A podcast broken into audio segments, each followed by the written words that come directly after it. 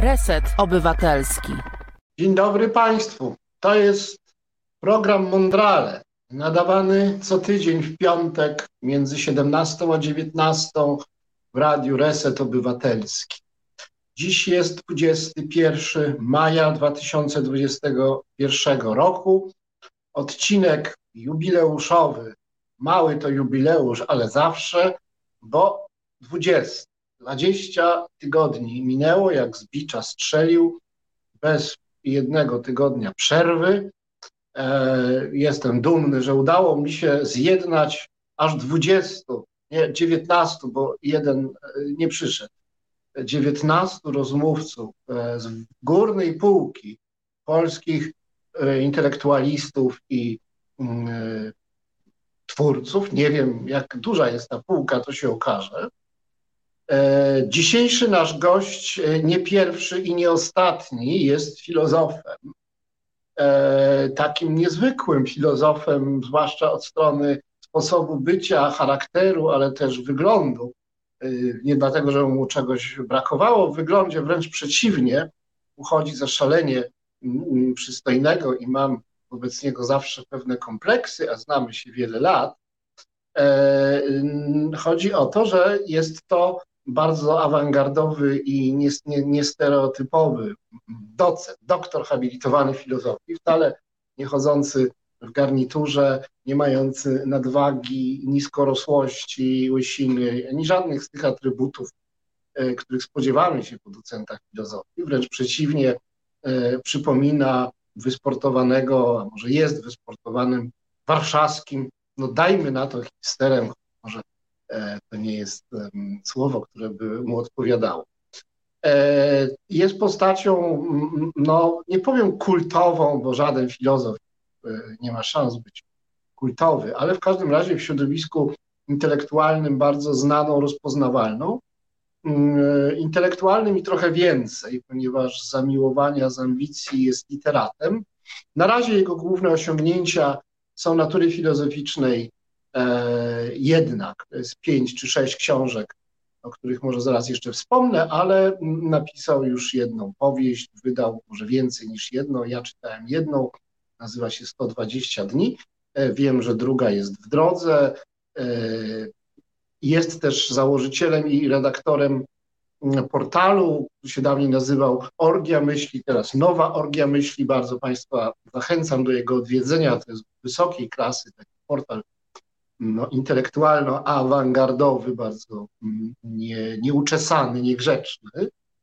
E, no właśnie, więc kto, oczywiście tym niegrzecznym e, filozofem, literatem, mm, lewakiem, hipsterem i tak dalej, i tak dalej jest e, znany Państwu wszystkim, czy prawie wszystkim, Jacek Dobrowolski z Uniwersytetu Warszawskiego, dawniej z Instytutu Filozofii, obecnie z Wydziału Dziennikarstwa.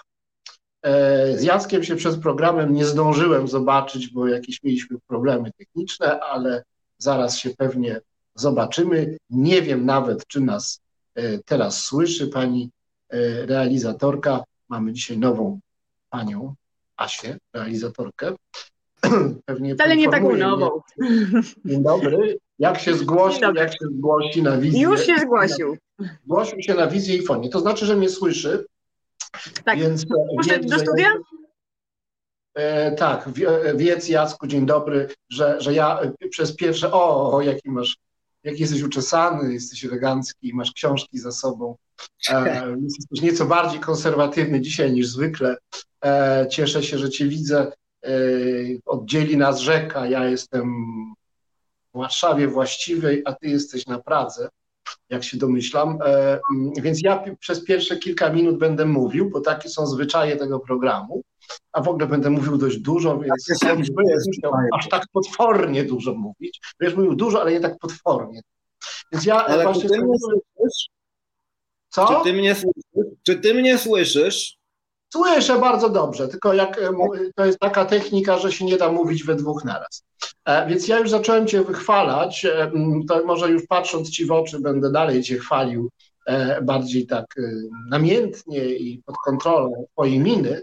Więc powiedziałem, że Jacek, mimo wielkich ambicji takich artystycznych, artystowskich, literackich, kulturalnych, a może nawet jakichś takich działacko-politycznych w znaczeniu rozbijania banku z kapitalizmem i, i faszyzmem, E, jest jednak przede wszystkim filozofem i jako filozofa go znam przede wszystkim.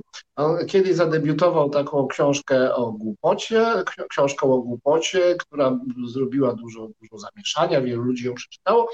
E, wydał też serię książek, y, y, które są następstwem jego różnych e, no, sukcesów w konkursie o nagrodę imienia Barbary Skargi.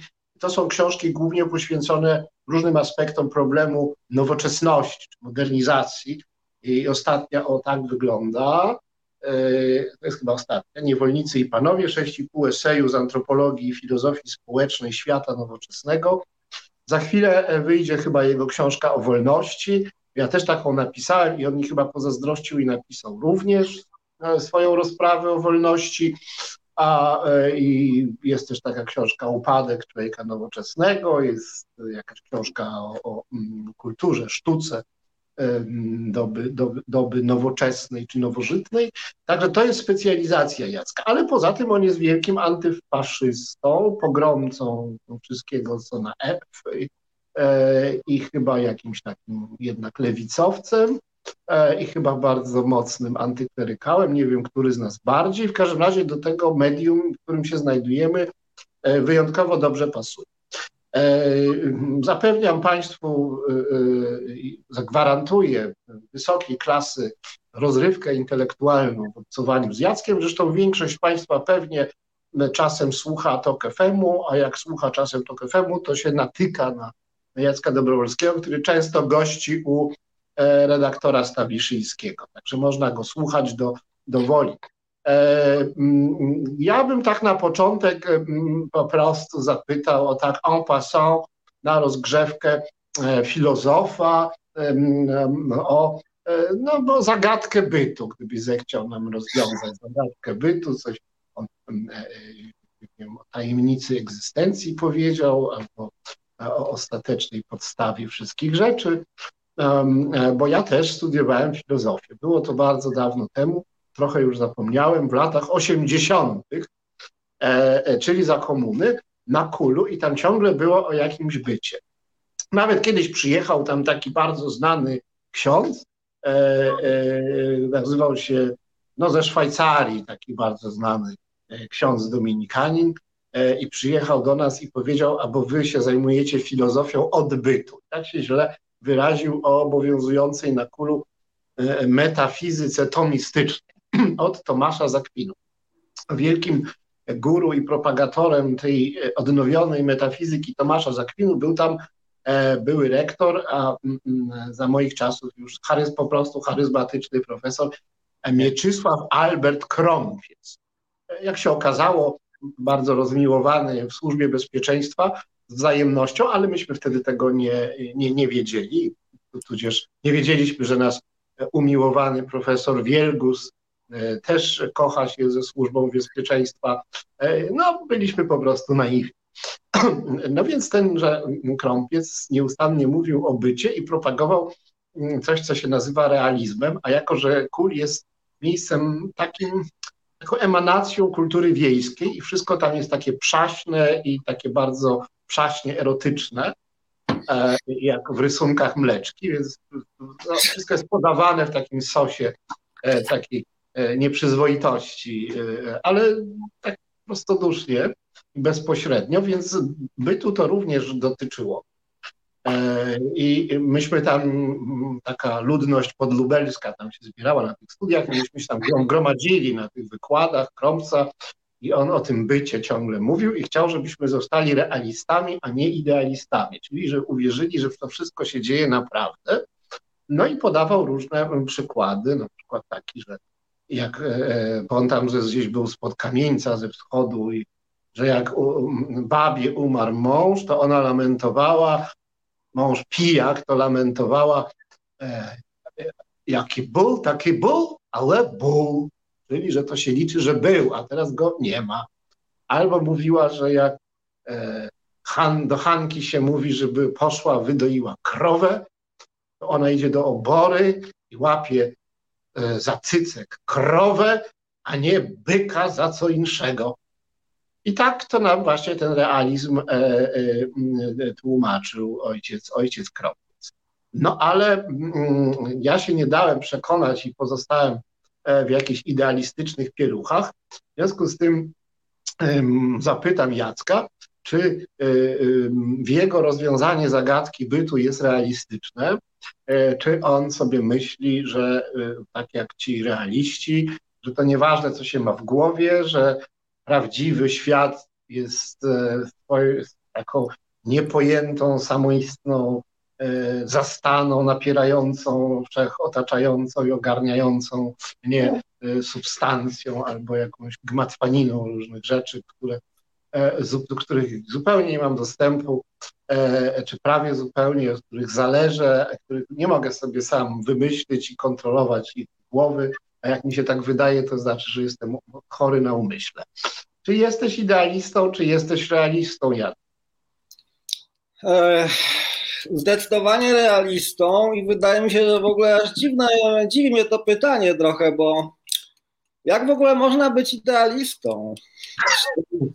trzeba oszaleć, żeby jakikolwiek idealizm przyjąć. Nie, nie, nie. Generalnie jestem tutaj za krąbcem. Chociaż wydaje mi się, że o wiele ciekawsze od pytania o to, czy byt jest realny, czy nierealny, jest inne zupełnie zagadnienie, które nazwałbym podstawowym pytaniem ontoaksjologicznym. Mianowicie, czy byt jest dobry, czy zły. Jak są? Czy warto być, tak? Czy warto być? W pewnym sensie to się oczywiście przekłada na to, czy warto być, tak? Ale właśnie jak ty uważasz, czy byt jest jakby, by tak rzec, hierarchią różnych zeł, począwszy od najwyższego zła, także wszystko jest tylko mniejszym złem, co najwyżej, aż do najmniejszego zła, które jest jakby takim dnem zła, co jest swego rodzaju dobrem które możemy subiektywnie jako dobro postrzegać, czy też właśnie sądzisz na odwrót, Janku, że właśnie byt jest, zaczyna się od najwyższego dobra, a potem właśnie stopniuje się ku mniejszemu i mniejszemu dobru, aż gdzieś tam na dole samym jest zło. Czyli najmniejszy. Niech mnie Pan Bóg, niech mnie Pan Bóg broni przed najwyższym dobrem, e, któremu musiałbym się przecież podporządkować i oddać bez reszty gdyby istniało najwyższe dobro, to ja już nie miałbym ani drobiny wolności i spokoju. E, chętnie się zgodzę, że raczej źle jest istnieć, ale to dobrego jest w wszelkim bycie, że ma swój kres, póki się wierzy w śmierć, w to, że można e, odpocząć nawet od odpoczywania, czyli naprawdę się skończyć i przenieść się w irrealny e, już niebyt, to wszystko można znieść. A jeśli nawet świat jest zły, a jednak ma swój kres i nie jest piekłem niekończonego istnienia, to warto się pomęczyć i pożyć. To może jest i zły, ale na pewno jest ciekawy. No tak, chyba się z tą zgadzam, chociaż oczywiście no to jest trochę podchwytliwe pytanie, bo tak naprawdę prawdziwa jest trzecia odpowiedź, to znaczy, że nie jest ani dobry, ani zły. Ha, ha, ha. Jest po prostu żaden, jest neutralny, nijaki a wszelkie dobro i zło jest tylko naszym subiektywnym postrzeżeniem tego, zależnym jakby od naszej ludzkiej natury i uwarunk jej uwarunkowań. Tutaj bym się ku Spinozie właśnie skłaniał, ale to mi się wydaje właśnie rozwiązaniem nowoczesnym, to znaczy nowoczesna filozofia polega na zerwaniu z tym przekonaniem, że byt jest dobry albo zły.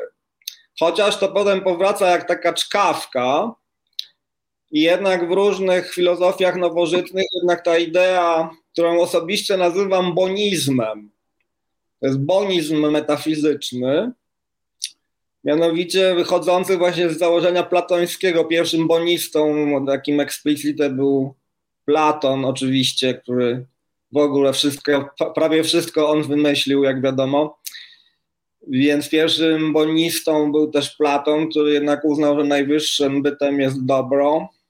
W związku z tym w ogóle cały byt jest jakimś tylko dobrem mniejszym lub większym, dalszym lub bliższym temu głównemu dobru. W zasadzie w zachodniej metafizyce nie było, no, nie było malistów, czyli e, poza jakby takimi najnowszymi prądami, począwszy od Schopenhauera, który był pierwszym z kolei właśnie, po, właśnie on dokonał pewnej wielkiej rewolucji właśnie w zachodniej metafizyce, bo właśnie pierwszy wprowadził ideę malizmu, czyli taką buddyjską zasadę, że byt jest cierpieniem, czyli złem, jednym słowem. I byt polega tylko i wyłącznie na jakimś takim stopniowaniu tego zła. Także nawet to dobro, które nam się trafia, jest tylko mniejszym złem. No, tak mówiąc już w skrócie i konkludując, żeby też się nie rozwodzić. Także to jest ciekawe, ale oczywiście ty jako twórca filozofii neutrum wiesz dobrze skądinąd, że byt jest właśnie neutralny całkowicie. Neutralność mało mnie grzeje i mało mnie ziębi, ale jeżeli e, miałbym swój ogólny stosunek do niejakości świata przedstawić, to byłyby to e, mdłości. Niedobrze mi się robi na myśl, że świat jest taki e, i bardzo mnie to jakoś zasmuca, w tym sensie, będąc nijakim, jest raczej zły niż dobry. No i właśnie ze względu na to, że wzięty e, w swojej odrębności ode mnie, autonomiczności, chłodzie, niewrażliwości na moje potrzeby, e, ten świat realny jest taki nieatrakcyjny, to ja wolę e, być e, wielkim panem swoich własnych złudzeń i w imieniu jaźni transcendentalnej bądź czegokolwiek, co na dnie własnej duszy mogę znaleźć, chętnie oddam się mm, no, autorytatywnym i sugestywnym iluzjom we wszelkich dziedzinach, E, poznania i odczuwania, po to tylko, żeby świat przestał być dla mnie obojętny, a ja obojętnym dla świata. Krótko mówiąc, wybieram idealizm jako szczęśliwsze rozwiązanie. E, I, tyle. I mogę się poczuć wręcz, e, jakby ktoś chciał, kapłanem czy przewodnikiem po tej, na ścieżkach idealizmu bo sztuka bycia idealistą polega na nieustannym przekonywaniu, że, że dobre iluzje nie są złe i trzeba je szanować i uznawać za co najmniej tak samo godne poważnego traktowania jak e, rzeczywiste. No dobrze. Ja jestem pielęgniarzem, można powiedzieć, złudzenia transcendentalnego, bo to się nazywa złudzenie transcendentalne, to znaczy takie złudzenie, o którym wiem, że jest tak poważnym i spójnym i wartościowym złudzeniem, że e, e, zwycięża nad rzeczywistością i sama ma rzeczywistość za swój własny wymysł. E, więc strażnik złudzenia transcendentalnego, czyli najszlachetniejszego realizmu, to właśnie ja. I ja zapewniam wszystkim ten komfort, że świat moich, za moim pośrednictwem, pod moim przewodem odzyskuje sens, kolory i wartość, i tylko dzięki takiemu komuś jak ja, prawdziwemu idealiście, nie jest zimnym zbiorem kamieni, e, e, który, który może się stać igrzyskiem dla faszystów. O. Ha, no cóż, mój drogi, no nie posądzałem cię, że jesteś fucking kantestą. Przecież to jest jakiś czysty kantyzm w ogóle. Przy czym ja oczywiście mam wielki szacunek dla kantyzmu i dla Kanta, ale osobiście jednak uważam, że o ile sama idea złudzenia transcendentalnego się broni, o tyle mm, jednak te złudzenia mają taki charakter bardziej tam to wiązał jednak z mową, z, po prostu ze światem wyobraźni. Na przykład tak działa wolna wola. Ona nie jest jakby obiektywnym faktem przyrody, prawda? Bo w przyrodzie nie ma wolnej woli, bo ona ma charakter metafizyczny, a jednak nie da się nie działać tak, jakby się nie miało wolnej, albo działać tak, jakby się nie miało wolnej woli. W pewnym sensie nie mamy jej, ale to nie zmienia faktu, że i tak ją mamy. bowiem jest to właśnie swego rodzaju powszechne złudzenie wszystkich ludzi, nie złudzenie osobiste, subiektywne, tylko złudzenie obiektywne, można by rzec, pewnego rodzaju konstrukt społeczny, kulturowy, bez którego nie byłoby cywilizacji. No bo jeżeli nie mamy wolnej woli, to właściwie dlaczego nie mielibyśmy być niewolnikami skądinąd? Ale w tym sensie się nie możemy obejść bez tego złudzenia. Trochę inaczej jest z Bogiem, bo bez niego się możemy obejść. Ja nie wiem, jak ty się ustosunkowujesz, Janku. Chyba nie, jakby Boga to ty chyba nie wierzysz, bo jesteś ateistą przecież znanym. Chociaż y, przecież Kant w gruncie rzeczy tylko okroczek jesteś od tego, żeby stwierdzić, że jednym z tych złudzeń transcendentalnych może też być Bóg. I on też jest potrzebny do tego, żeby świat był kolorowy. Bez wątpienia świat z Bogiem jest na swój sposób taki przytulniejszy, cieplejszy, bardziej antropomorficzny po prostu. I to tak nam uczłowiecza przyrodę de facto, jeżeli wierzymy, że ją stworzył Bóg. A jeżeli zakładamy, że ona jest takim samoczynnym procesem mechanicznym, ślepym i bezcelowym, jakim de facto oczywiście jest, co do tego nie mam najmniejszych wątpliwości. Nie wątpię w to. To wobec tego musimy jednak przyznać, że nie jesteśmy jakby w domu, Przyroda nie jest naszym domkiem ciepłym, stworzonym przez Boga dla naszych potrzeb, tylko jakąś taką sferą właśnie walki. Sferą, albo w każdym razie może walka to właśnie zbyt przemocowe słowo już jak na dzisiejsze czasy, żeby w stosunku do przyrody jej uży go używać, więc raczej da się takiej pokornej kooperacji bardziej, a nie panowania.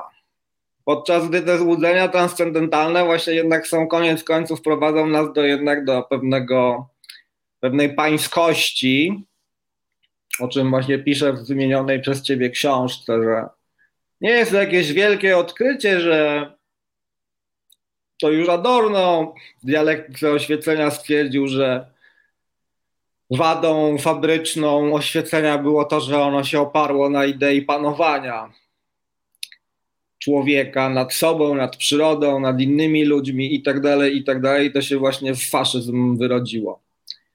Więc, e, no ale jednak pamiętajmy, że oświecenie właśnie przy, przyświecały wszystkie te złudzenia transcendentalne, właśnie sama idea złudzenia transcendentalnego, w miejsce właśnie traktowania tego wszystkiego, jakby to były obiektywne fakty, bo właśnie tym się różni wiara oświecona od wiary nieoświeconej, że wiara oświecona wie, że to nie są fakty, tylko że fakty to przyroda, a, a jej wiary to właśnie są złudzenia transcendentalne, ale właśnie potrzebne i dobre i konieczne i koniec końców racjonalne, czyli religia w obrębie samego rozumu nam się tutaj kłania i powraca kuchennymi drzwiami Bóg jako istota, która nam całkowicie racjonalizuje byt i go właśnie udobrza bonizuje go, bo jeżeli jednak Bóg stworzył byt, no to Bóg jest dobry i miłosierny, więc byt, byt też jest jednak tworem tego dobrego, miłosiernego Boga, etc. i wszystko, co za tym idzie. Powiedział tak, że no, absolutowi jest, że tak powiem, wszystko jedno, czy istnieje, czy nie istnieje. Nieskończenie przewyższa te, e, e, ten, tę nawet kategorię, która nie chce być kategorią, lecz ponad wszystkimi kategoriami chce być e, szafarką wszystkiego i niczego. Absolut się doskonale miewa z łatą niebytu.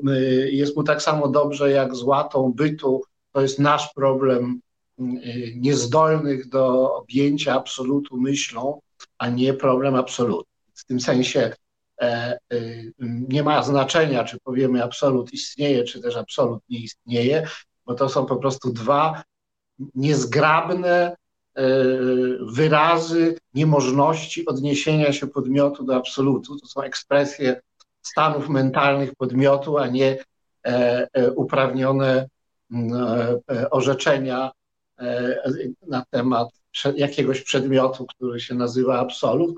po prostu absolutnie jest żadnym przedmiotem, w tym nie jest przedmiotem poznania. Krótko mówiąc, jesteśmy bezsilni z takimi określeniami istnieje, nie istnieje.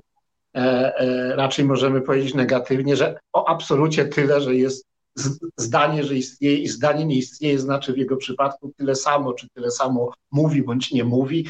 Tyle tylko, że zwrot absolutnie istnieje, jest e, semantycznie i pragmatycznie nie, niepoprawny i nie ma sensu go na gruncie normalnych reguł języka formułować. Więc nic ciekawego w problematyce istnienia absolutu tak naprawdę nie ma, gdy chodzi o sam absolut a to nie jest przedmiot, e, że tak powiem, analizy egzystencjalnej.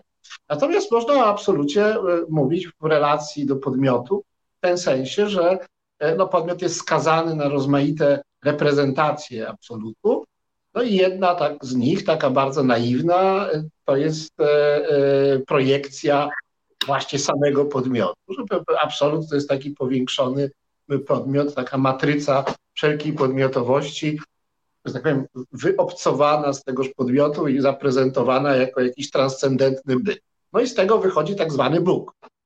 E, no więc oczywiście ja, ja e, ten modus absolutnie się nie, nie, nie, nie bawię i uważam za jakiś idiotyzm kompletny, żeby obrażać absolut porównywaniem go z człowiekiem, czy, czy też projektować siebie na nieskończoność e, i w ten sposób jakiejś szalonej pysze utożsamiać się z absolutem. To mnie mierzi, zbrzydza i w tym sensie jestem ateistą. Natomiast nie bardzo mi się też podoba, jak takie e, powiedzmy zanurzanie się, takie, takie napawanie się tym momentem absolutności, jaka jest, jaką jest ta obojętna zewnętrzność bytu, który jest absolutnie sam dla siebie, niewrażliwy i nieczuły na E, wszelkie roszczenia e, i podmioty.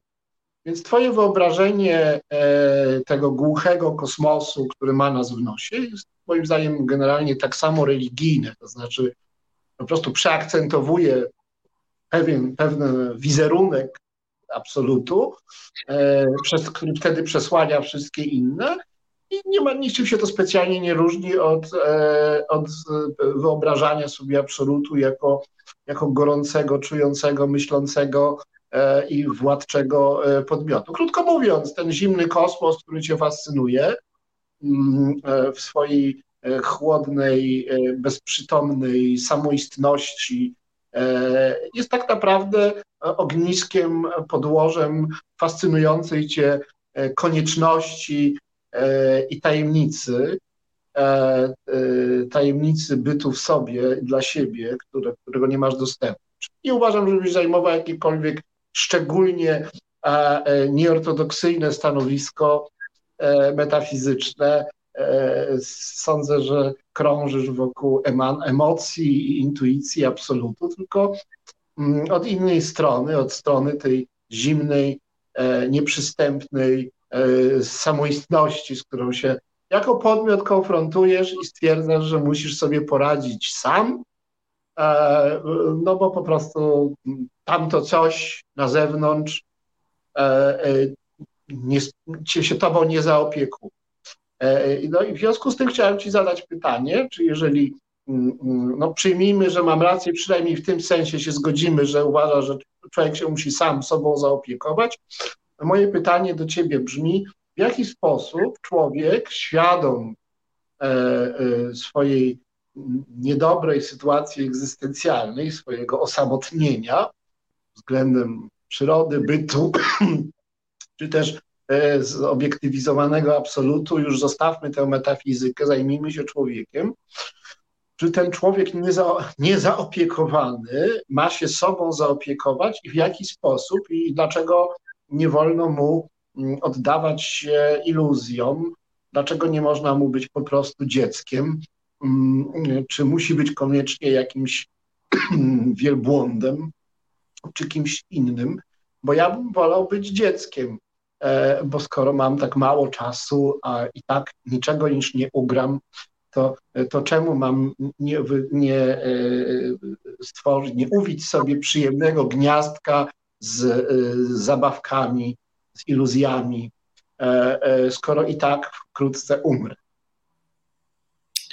No to też jakby trzeba by się było zastanowić bliżej, co ty rozumiesz przez to bycie dzieckiem, bo to jest metafora dość niejednoznaczna i pojemna. Tutaj e, zrobiłeś aluzję do niczego, on miał tutaj swoją, swoje rozumienie tego, tej, tej metafory stawania się dzieckiem na końcu w pewnym sensie bo trzeba wiele zrzucić z siebie, żeby tym dzieckiem się stać, tym niczeańskim dzieckiem. Więc czy chodzi ci o to, czy dlaczego nie powinniśmy być infantylni, czy dlaczego e, nie powinniśmy e, nie wiem co właściwie, co tutaj masz na myśli. No dobrze, jak ty sobą się opiekujesz, skoro nie możesz liczyć ani na Bożą opiekę, ani na przyjazny świat, no to na czym polega to zaopiekowanie się sobą e, e, podmiotu, który rozpoznaje swoją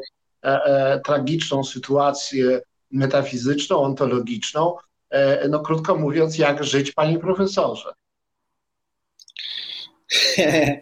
No, um, hmm, ba, panie profesorze. Um, ja myślę, że um, może w pewnym sensie iluzją chyba jest w ogóle to, że jeżeli sobie zadamy i odpowiemy na to pytanie, choćby nawet i w najmądrzejszy sposób, to na jakikolwiek sposób to zmieni naszą sytuację.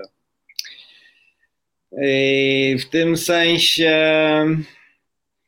bezsilność nasza polega na tym, że żadna teoria jej nie jest w stanie zmniejszyć ani nawet ani żadna samowiedza nie może jej e, naszej właśnie ogólnej, nazwijmy to ontologicznej bezradności e, zniwelować, czy pozwolić nam przeskoczyć. W związku z tym e, pytanie, jak żyć, jest w pewnym sensie głupie.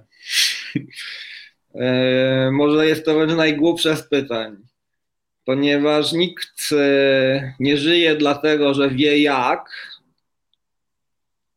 bo gdyby nasze życie od tego zależało, że wiemy jak żyć, to byśmy może właśnie nie dawali rady. Tylko w pewnym sensie bardziej tutaj powiem tak po Schopenhauerowsku. Generalnie coś nas pcha cały czas e, i jakoś to coś w pewnym sensie właśnie daje radę. No a jak przestaje dawać, no to i, to i my czeźniemy. W związku z tym tak długo jak masz dość siły, żeby pchać się jeszcze dalej, dzień dalej, krok dalej, to się pchasz. Bo ta siła cię pcha po prostu i nawet jakbyś chciał, możesz sobie marzyć o tym, że chciałbyś może na przykład leżeć w łóżku cały czas, prawda?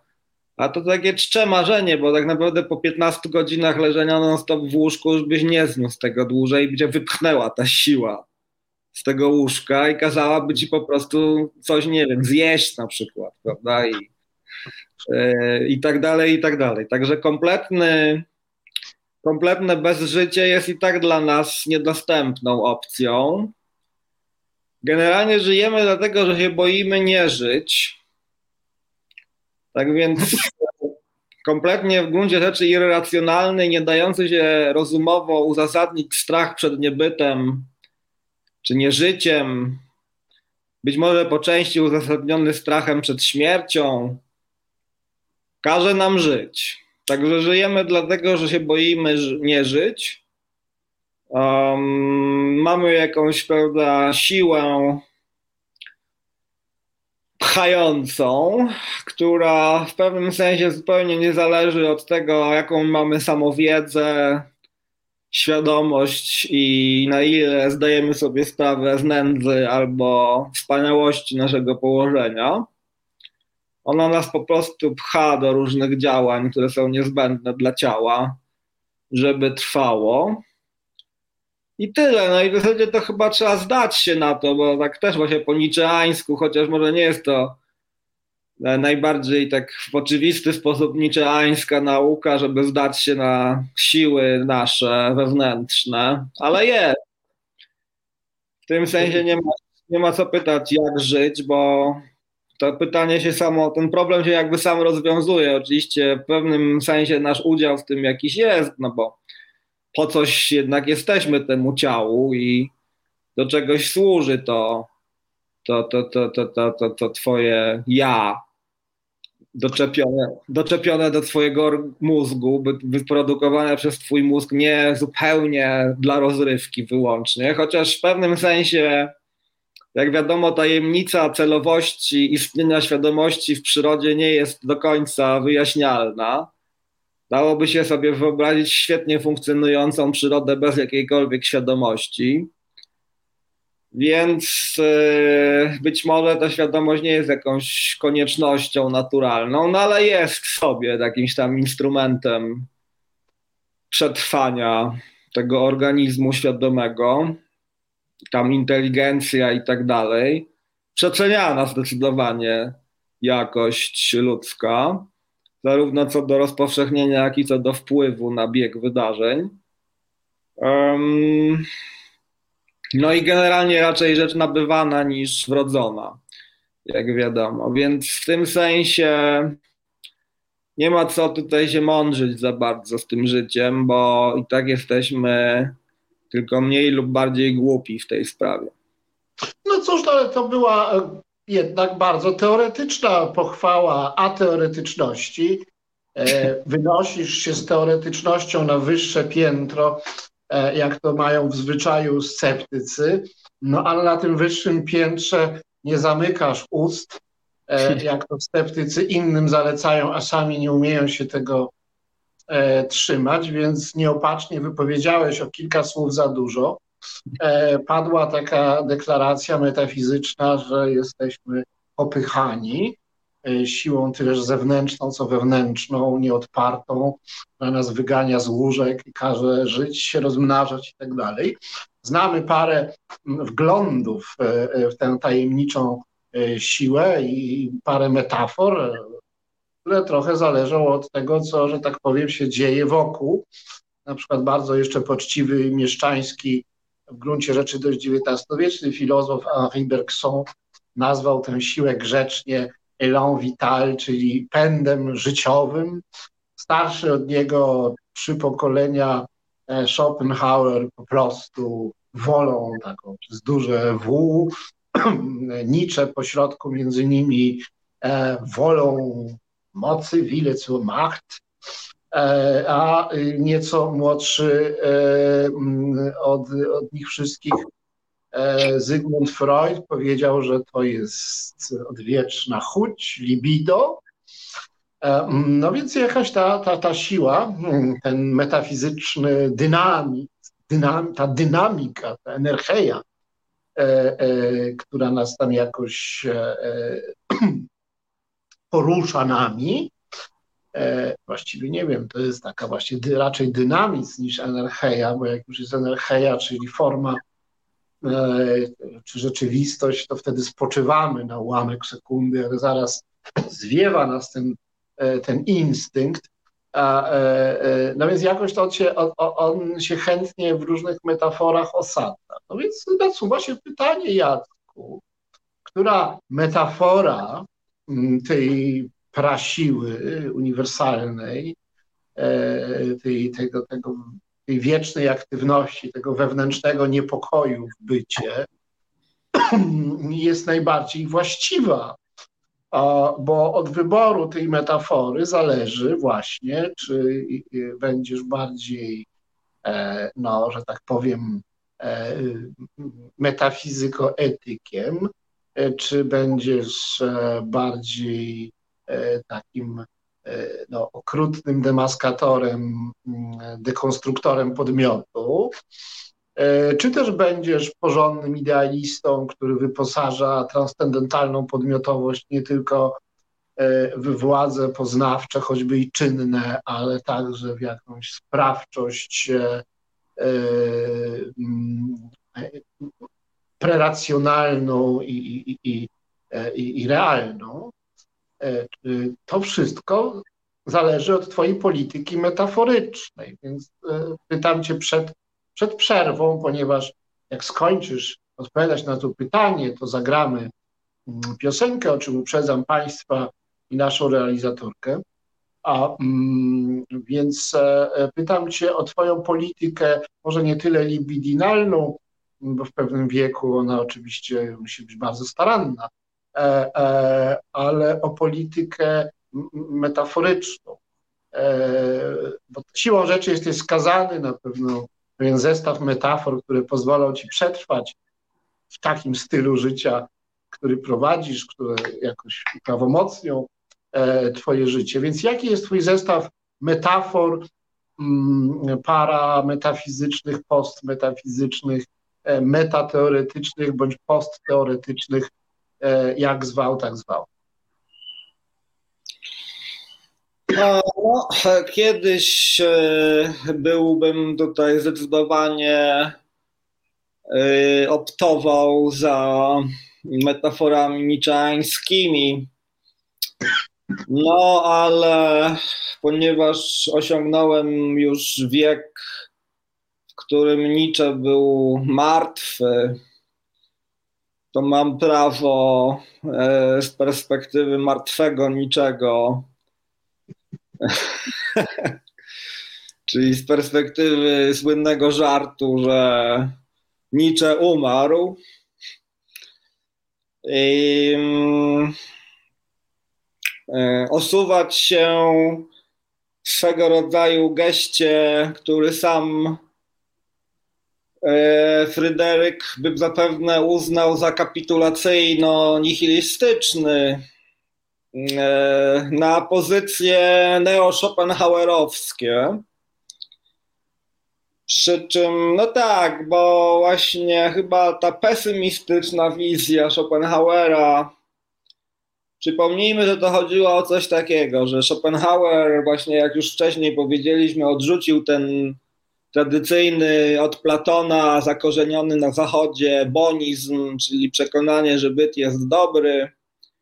Odrzucił go na rzecz e, e, no w pewnym sensie niespotykanego wręcz w tradycji zachodniej poglądu, że jest on zły, który skądinąd jest znany w tradycji wschodniej choć może nie aż w takim dokładnie sformułowaniu, że byt jest zły, no ale pamiętajmy, pierwsza szlachetna prawda buddyzmu głosi, że, e, że bycie jest cierpieniem, więc to jest prawie to samo. Co powiedzieć, że jest złem. E, w tym sensie e, Schopenhauer właśnie dokonał tej rewolucji metafizycznej, przeszedł na zupełnie inne pozycje aksjologiczno- metafizyczne i e, jednocześnie to uzasadniło jego głęboki pesymizm, tak? jego głęboko właśnie takie melancholijne spojrzenie na świat. Natomiast Nietzsche, jego uczeń, taki oczywiście Y, wirtualny y, uczeń, y, ale jednak przez Schopenhauera Nietzsche był bardzo mocno ukształtowany. Nietzsche właśnie stwierdził, że właśnie tak, z jednej strony właśnie trzeba przyjąć tę pesymistyczną wizję, tak, w miejsce tego tradycyjnego naiwnego, oślego optymizmu, właśnie tego osła, który mówi tak, tak, to jest właśnie Platon, prawda? On mówi tak, tak, byt dobro, byt dobro. To jest właśnie platoński osioł Platon, który właśnie jak ten jak ten właśnie, jak to właśnie u niczego właśnie to tak właśnie może być tak albo tak. No tak. Ja. I wtedy, kiedy mówisz to ja, to jest właśnie to tragiczne, niby to starogreckie właśnie, ale przez Sokratesa i Platona zdradzone przekonanie właśnie o tego, optymi, tego tragicznego optymizmu, tej, tej, tej, tej, tej afirmacji tego, co tragiczne. Czyli właśnie mimo, że byt jest złem, to my właśnie się cieszymy tym, tak? My się właśnie tym cieszymy, radujemy i afirmujemy ten, byt, nie nazywamy go złym, tylko właśnie nazywamy go, go wolą mocy, ale ta wola mocy właśnie jest okrutna, jest, e, jest e, bezlitosna, jest właśnie taką quasi darwinowską wolą właśnie, gdzie właśnie ekspansja i i, i, i, i no i taka dominacja, tak, moc, prawda, więcej mocy, więcej mocy, to nas prowadzi właśnie do afirmatywnego, y, do afirmowania tego okrucieństwa bytu. Oczywiście wielu modernistów bardzo podnieciła ta idea afirmacji okrucieństwa bytu, niczeańska, no ale też wiadomo, do czego to na dłuższą metę prowadzi. Po pierwsze, to jest e, po dłuższym zastanowieniu, to jednak dochodzimy do wniosku, że to jest po prostu zwyczajny masochizm. Tak, po prostu chłoszczą cię, a ty krzyczysz tak, więcej, więcej, jeszcze więcej, niech żyje chłosta. Tak, więc, e, więc to jest tak, niczeanizm jest kryptomasochistyczny w tym swoim Nietzsche zresztą ten słynny, słynne zdjęcie niczego, gdzie go Lusalome pogania batem przy, przytroczonego do, do rydwanu, do powozu. To nie jest jakaś przypadkowa rzecz, tylko to jest właśnie ważny, ważny właśnie dokument yy, demaskatorski dla niczego. Pamiętajmy, że używamy metody niczeańskiej do, do demaskacji samego niczego. Czyli po niczeańsku, z podejrzliwością niczeańską podchodzimy do niego samego i do jego własnych motywacji. No i właśnie odkrywamy, że ten tragiczny optymizm, optymizm właśnie mali, malizmu, właśnie, który zdaje sobie sprawę z tego, że byt jest y, okrutny i, y, i, jakby bezwzględny wobec naszych prawda, podmiotowych Y, lęków, y, pragnień, y, potrzeb bezpieczeństwa i czułości i wspólnoty, że jesteśmy samotni, prawda, i tak dalej. Tę samotność właśnie afirmujemy, niczym ten Zaratustra, który właśnie wychodzi w góry i w tych lodowatych górach właśnie tam dopiero znajduje dla siebie właściwe, zimne powietrze. No kto lubi chodzić na lodowatym powietrzu? Przecież to, ta metafora jakby sama siebie kompromituje. Ta, ta, ta, ta niczeań, te niczeańskie właśnie metafory właśnie wychodzenia właśnie na te lodowate szczyty, gdzie właśnie zimno, gdzie, gdzie, gdzie mróz, gdzie, gdzie wiatr, gdzie wicher, to wszystko samo za siebie mówi przecież. To, to jest właśnie samobiczowanie się. Także koniec końców właśnie Schopenhauer wydaje mi się bardziej zdroworozsądkowy, a przede wszystkim nie tak masochistyczny tylko właśnie on wyciąga zdrowe, racjonalne, jakby moim zdaniem, wnioski z tych swoich przesłanek i w tym sensie koniec końców e, jakby osuwam się ku temu poglądowi i odrzucam jednak tę niczeańską afirmację, bo to jest po prostu przesada i to nie dla mnie. No dobrze, okazało się, że mamy w Polsce neo-Schopenhauerystę.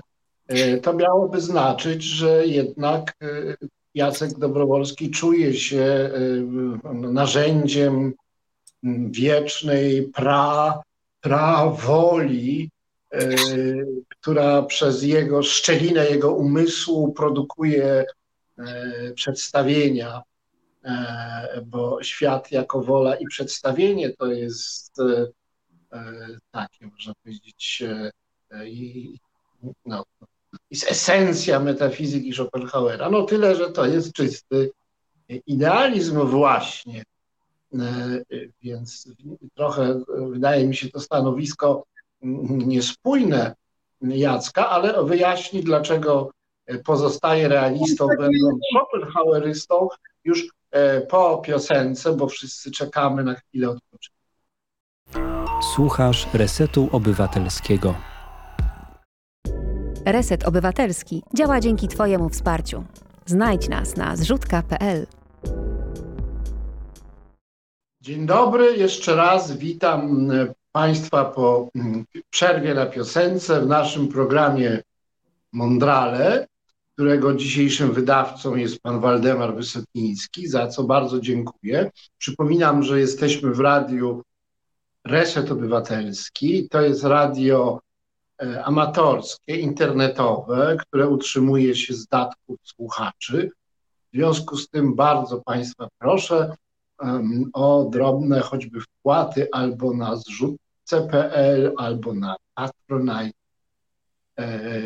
pod hasłem Reset Obywatelski. To nam pozwala przetrwać, oczywiście bardzo niskokosztowo, niskie koszty, niska jakość, takie to już jest życie, no ale mimo niskiej jakości możemy sobie pozwolić e, dzięki autorytetowi prowadzących audycje na wysokiej jakości gości. I wysokiej jakości gościem mojego dzisiejszego programu, a więc i Państwa gościem jest znany filozof warszawski, a nawet warszawsko-praski, bym powiedział, Jacek Dobrowolski, doktor habilitowany na Wydziale Dziennikarstwa Uniwersytetu Warszawskiego, a także e, pisarz.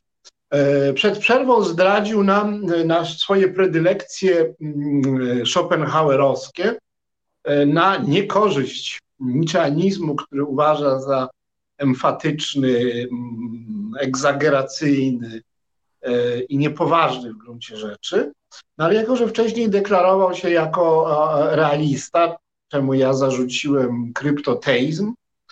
Mm, e, e, pytam go, co z jego realizmem, skoro Schopenhaueryzm jest idealizmem, jak mordę strzelił, e, a teraz odpowiada Jacek. No tak, no, no też mój Schopenhaueryzm nie polega na tym, że przejmuje po prostu wszystko od Schopenhauera od A do Z. I po prostu uważam, że on dość ciekawą dokonuje dość ciekawego opisu kondycji ludzkiej jako kondycji bytu żywego, który właśnie tą siłą życia jest przede wszystkim mm, kształtowany i definiowany i no i w ogóle jakby pchany do, do działania, tak? Natomiast to nie znaczy, że ta siła ma dla mnie jakiś taki walor metafizyczny. Uważam to po prostu za swego rodzaju cechę organizmu żywego.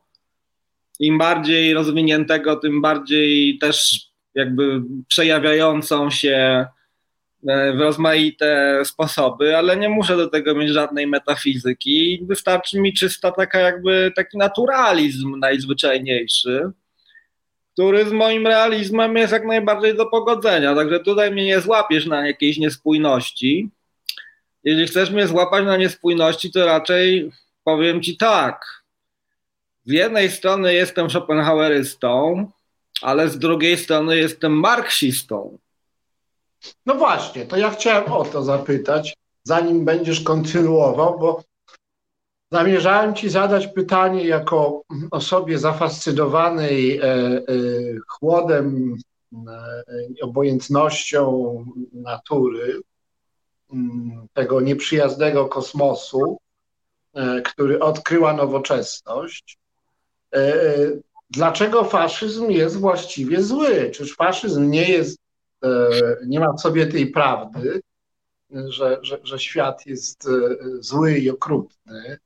E, czy, czy nie jest jakimś sposobem na bycie w prawdzie, e, że wyciąga nas z tych e, pieleszy naszych złudzeń, z tego łóżka, wywiewa nas tą pierwotną prasiłą, którą chciałbyś widzieć jako naturalną, a więc nie jako wolę w czysto metafizycznym sensie, jako wolę stwarzającą świat.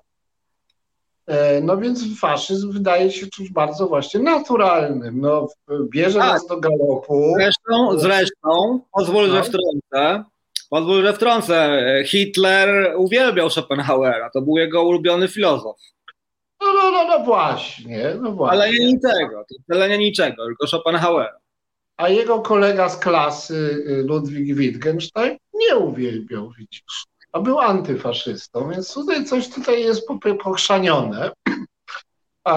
Stąd, stąd właśnie to moje pytanie. No, faszyzm w faszyzmie jest e, e, prawda e, dzikości i siły. Jeżeli świat jest dziki i pełen e, mocy e, i obojętny na naszą e, zniewieściałość, przepraszam, zmężniałość, jakkolwiek to nazwiemy, człowieczeństwo. Słabość słabość, przepraszam, to przepraszam silnych, e, Przepraszam słabych, przepraszam kobiety, przepraszam mężczyzn, a priori wszystkich przepraszam.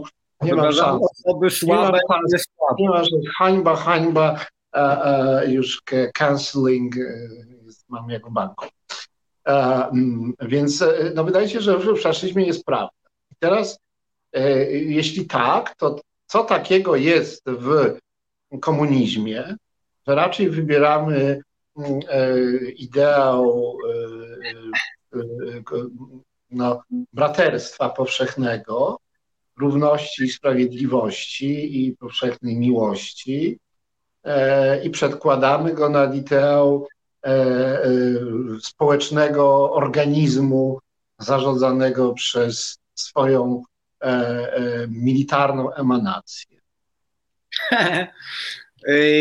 tak, no hmm, bardzo dobre pytanie. No więc e, odpowiadam na nie tak. E, Schopenhauer, który był skądinąd romantykiem i w związku z tym nie za bardzo wierzył w rozum, więc zarówno odmówił rozumności bytowi jako takiemu i skazał go właśnie na bycie w marionetką tej ślepej, bezrozumnej woli życia, która pamiętajmy u Schopenhauera, ona ma taki właśnie antyracjonalistyczny kształt, antyheglowski. Hegel uważał, że byt jest rozumny, Schopenhauer uważał, że byt jest nierozumny, tak? że, jest, że jest po prostu irracjonalna siła, która go pcha do przodu donikąd. Przeciwieństwa do Hegla, który uważał, że dokądkolwiek, jakkolwiek on idzie, jakimikolwiek drogami, to jednak, jednak do, do właściwego celu. Schopenhauer uważał, że on idzie donikąd. I to też, nawiasem mówiąc, wydaje mi się lekcja, która no, no mało chyba kto z nas jest heglistą, który wierzy jeszcze w to, że byt zmierza historycznie ku lepszemu. To chyba jest całkowicie już na nasze czasy, nie na nasze czasy idea. Y, trzeba być naprawdę skrajnym, ale to skrajnym optymistą, żeby coś takiego, żeby do czegoś takiego przekonywać. Nie wiem, czy ty jesteś aż tak skrajnym optymistą. Wierzysz w postęp? Chyba już nie, prawda? Więc Jakkolwiek. Przepraszam, ja, ja, ja wierzę, że Hegel osiągnął swój własny, prywatny absolut. E, e, wie, wierzę w to, że heglizm jest docelowym kształtem filozofii, konsekwentnym roz, rozwinięciem idei filozoficzności. E, I w tym sensie wszystko, cały byt kończy się na, na Heglu i heglizmie. To jest jedyny filozof, który sparodiował absolut.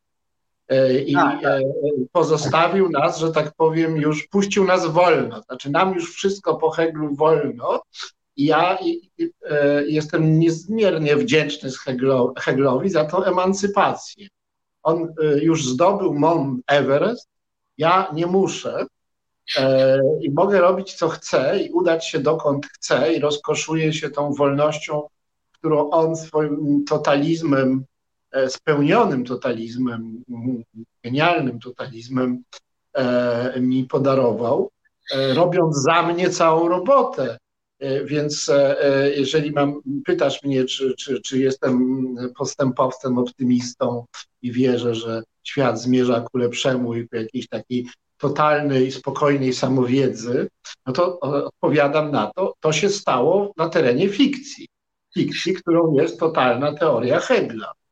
E, no Ale tak, jeśli tak, się utożsamiemy, jeśli ja się z tym teatrem pojęć utożsamiam, to jest moja bajka, moja sztuka yy, i to jest mój dom intelektualny, ja się tam dobrze czuję, zawsze mogę do niego wrócić, a Hegel mi go zbudował, co nie znaczy, że ja nie mogę z tego domu wyjść, więc wychodzę na spacery i wracam do domu heglowskiego i tam oddaję się e, e, no, temu jedynemu absolutowi, który udało się ludzkości E, rozwinąć. Także jeśli pytasz, czy Hegel był genialny i czy coś dla nas zrobił w sposób ostateczny, to tak. No, teleologię filozofii, która zawsze zmierzała do tego, żeby być Heglem, wierzę. Natomiast to, że, w życie, że jest życie poza Heglem i po Heglu, no również wierzę, bo muszę, bo żyję.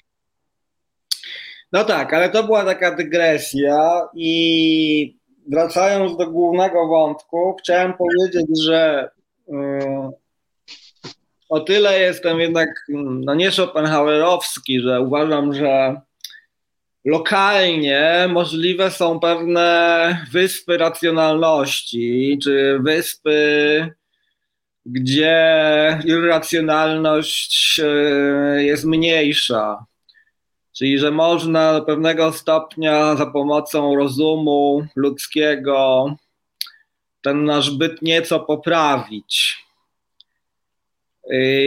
Jeżeli można go poprawić, no to oczywiście nie ma moim zdaniem żadnego racjonalnego uzasadnienia, poza irracjonalnymi uzasadnieniami niczeańskimi, ale racjonalnie rzecz biorąc nie ma powodu, żeby, nie, żeby tego bytu nie poprawiać dla wszystkich y, ludzi, ponieważ ich zasadnicza kondycja, jak wcześniej rozpoznaliśmy, jest właśnie wspólna i polega ona na cierpieniu.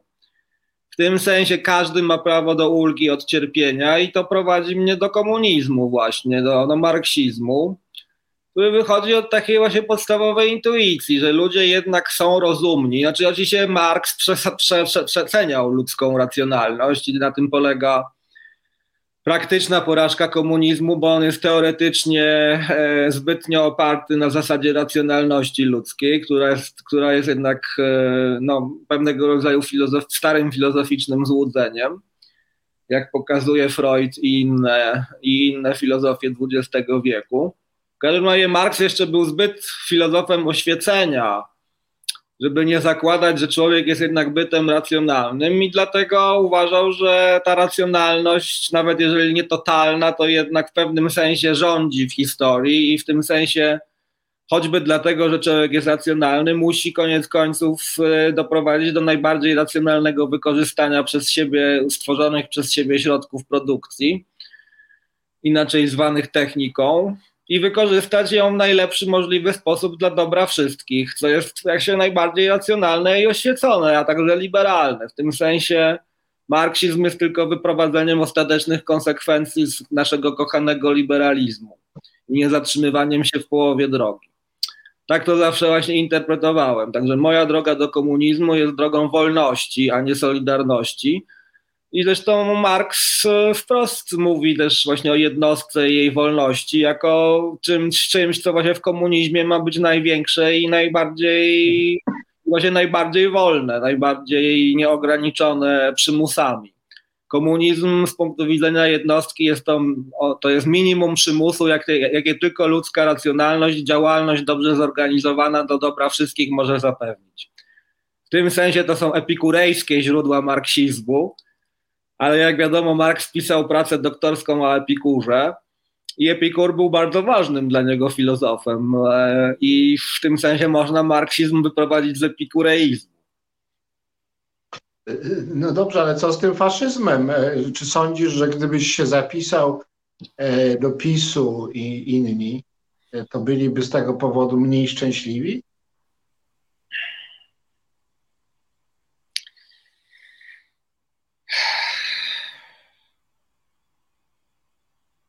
Jest prawdą, że przed każdą jednostką stoi pytanie, dlaczego nie zostać faszystą?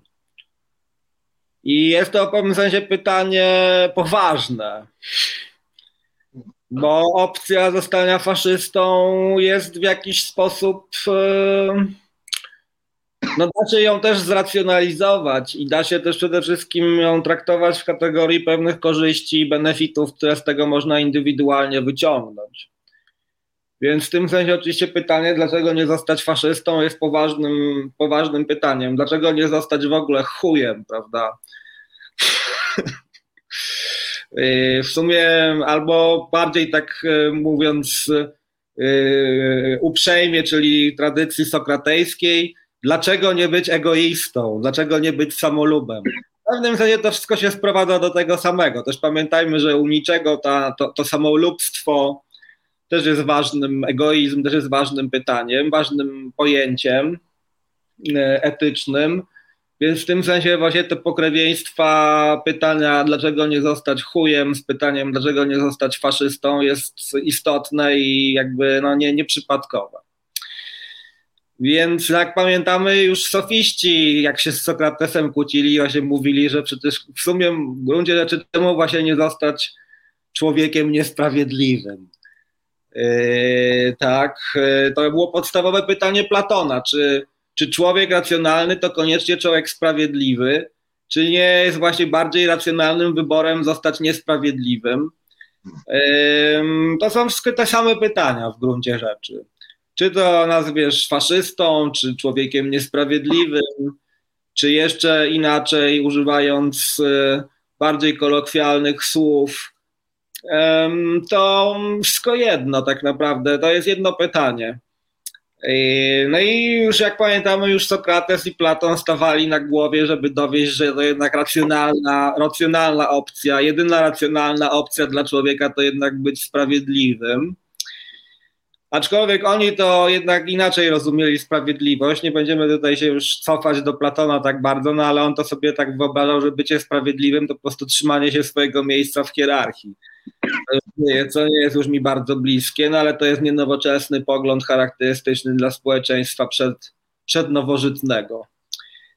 W dzisiejszych czasach sprawiedliwość polega raczej na równości niż na trzymaniu się, trzymaniu się, trzymaniu się swojego miejsca w hierarchii.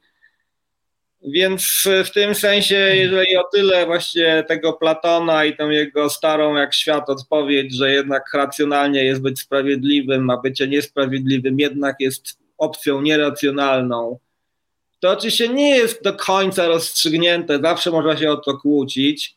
I ci sofiści, te trazymachy, kalliklesy z platońskiego państwa, którzy byli też zresztą takimi starożytnymi protoniczeanistami, bo oni też wprost właśnie mówili, że że przecież, e, że przecież właśnie władza to jest źródło e, społecznych konwencji i właśnie większa moc to jest to, co ją usprawiedliwia, a nie, a nie dobro. I byli pierwszymi krytykami przecież moralności w takim stylu, właśnie jak Nietzsche ją krytykował, nazywając to chrześcijaństwem. Yy, więc, yy, no ale jak wiadomo, całe państwo i inne też dialogi, może w mniejszym stopniu, ale ono w najwyższym jest jednym wielkim dowodem na to, że opłaca się być sprawiedliwym, że dobrze być sprawiedliwym i racjonalnie być sprawiedliwym jest to jedyny racjonalny wybór. Tak, koniec końców się z tym chyba jednak zgadzam. Yy, wbrew wszelkim młodzieńczym buntom przeciwko temu dziadowi Platonowi ale mówię, no z tymi wszystkimi, no dziad jednak, ale ze wszystkimi poprawkami, które musi wprowadzić nowoczesność do pojęcia sprawiedliwości, ostatecznie uważam, że warto być sprawiedliwym. No dobrze, dobrze, ale to zakłada, że faszyzm jest niesprawiedliwy. Ja mam pewną wątpliwość co do zasadniczej różnicy między faszyzmem a komunizmem. E, obawiam się, czy nie jest to koło, mm, jak e, miłość i nienawiść, że skrajności się tutaj stykają, bo e, w obu przypadkach mamy do czynienia z silną, jednolitą wspólnotą, nawet jeżeli dopuszczającą pewne różnice, to jednak przy założeniu zasadniczego zrównania w obrębie systemu, Mamy i tu system, i tu, i mamy i tu podporządkowanie logice tego systemu, i tu. W przypadku faszyzmu e, ten system ma zarządcę e, apodyktycznego, który e, zarządza ciałami, zarządza ruchem, zarządza zasobami i wnika w naszą prywatność, a w drugim przypadku mamy tą władzę jakąś taką sieciową, rozproszoną, miększą, e, e, bardziej elastyczną, e, bardziej może czułą. No niemniej jednak zarówno w faszyzmie, jak i w komunizmie tolerowani są tylko odpowiednio faszyści bądź komuniści. I teraz no, faszysta w komunizmie będzie mm, napiętnowany i ukarany, i komunista w faszyzmie również. Niepokoją mnie te symetrie, I nie mam jakiegoś takiego ostatecznego, przekonującego argumentu, poza takim burżuazyjnym, że pewnie przyjemniej żyć w komunizmie niż w faszyzmie, e, a to nie jest wystarczający argument. E, nie mam takiego ostatecznie przekonującego argumentu, że lepiej być komunistą niż faszystą, który marzy o tym, żeby się znaleźć w jakimś raju pod, pod przewodem jakiegoś super mega szefa i tam rechotać z radości, że nie jest się w piekle, gdzie smaży się cała reszta ludzkości. Tak jakoś nie, nie, nie, nie mam tutaj jakiegoś ostatecznego argumentu. Chciałbym, teraz zagramy piosenkę jeszcze jedną, bo należy nam się druga, ale chciałbym, żebyś nas po piosence naprawdę przekonał, że raczej powinniśmy wybrać komunizm zamiast faszyzm i choćby Führer w tym faszyzmie był niebieski albo był E, e, miłym, miłym e, robotnikiem budowlanym mm, z, z Palestyny, że, że, jednak lepiej być tym komunistą i, i, właściwie co to, co to znaczy, jak ten świat komunistyczny będzie wyglądał i czy w ogóle będzie wyglądał, czy, czy to tak na serio, czy na niby. O tym porozmawiamy w ostatniej części programu po piosence. Bardzo proszę. Słuchasz Resetu Obywatelskiego. Reset Obywatelski. Medium, które tworzysz razem z nami. Komentuj, pisz i wspieraj. Dzień dobry raz jeszcze w trzeciej części programu Mondrale 21 maja 2021 roku. Naszym gościem jest e, doktor habilitowany e, Jacek Dobrowolski. Rozmawiamy o faszyzmie i komunizmie. Ja wyraziłem przed piosenką wątpliwość, czy na pewno jest jakiś rozstrzygający argument i jakaś decydująca różnica między e, wspólnotą faszystowską i wspólnotą komunistyczną. Bardzo liczę na to, że wyjdę już takim z tej rozmowy przekonanym antyfaszystą e, i przekonanym komunistą, ale no mam wątpliwości, bo na przykład wydaje mi się, że obraz chrześcijańskiego raju który no generalnie jest faszystowski, bo jest tam szef i jest tam jakaś złośliwa satysfakcja e, z tego, że niektórzy się tam nie dostali, a więc jest ten wykluczony, obcy, potępiony, e, skazany na, na, na śmierć, niekończącą się śmierć, wieczną śmierć potępienia. E, a, a z drugiej strony przecież to jest wizja mm, wspólnoty, która żyje w doskonałej harmonii, równości, wzajemnej miłości E, jakkolwiek zapośredniczony w miłości do, do wielkiego wodza, czyli, e, czyli, czyli bóstwa. No ale no, de facto się tutaj, tutaj te emocje faszystowskie i komunistyczne jakoś mieszają, nakładają. Więc gdzie jest ta diferencja, specyfika e, faszyzmu i, i co stanowi o jakimś pierwotnym, genetycznym błędzie moralnym faszyzmu? No, um, po pierwsze to jeszcze nawiązując do jednej rzeczy, którą powiedziałeś jeszcze przed przerwą, e, kiedy to e, postawiłeś tezę, że nie przekonuje cię argument, że komunizm jest przyjemniejszy niż faszyzm, i oczywiście można było po pierwsze w ogóle zastanawiać, czy rzeczywiście jest przyjemniejszy, ale, ale ja też zgadzam się z tym, że jest przyjemniejszy osobiście, chociaż wiem, że można, by to było jeszcze, e, by także wejść właśnie w te e, kwestie tego, co ludziom sprawia przyjemność. I jak bardzo czasami to jest jednak e, związane, ta przyjemność, ta jouissance związana jest e, z aktami przemocy, ale przyjmując, że jednak można sobie wyobrazić świat przyjemności bez przemocy, to zgadzam się, że komunizm ma być, jest przyjemniejszy niż faszyzm i nawet ten praktyczny komunizm, nawet powiedziałbym, że gdybym miał do wyboru, czy mieszkać w III Rzeszy, czy w ZSRR za Stalina, to chyba bym jednak z dwojga złego wybrał ZSRR Stalina z tego przyjemnego powodu, że tam jednak Żydów nie mordowano. Yy, yy, I ciekaw jestem, dlaczego w ogóle zapomniałeś o tej istotnej różnicy, właśnie specyfika, diferencja faszyzmu jest taka, że jednak faszyzm prowadzi do mordowania yy, ludzi, a konkretnie właśnie no i nie tylko Żydów, prawda, no ale tutaj Żydzi chyba największymi byli ofiarami, nie musimy chyba tego, nie muszę ci chyba o tym przypominać, Janku, yy, więc to jedna dyferencja, specyfika. Tobie na pewno byłoby przyjemniej w ZSRR, miałbyś tam większe szanse na przeżycie po prostu. Więc tak z choćby tego powodu faszyzm mi się wydaje jednak gorszym wyborem.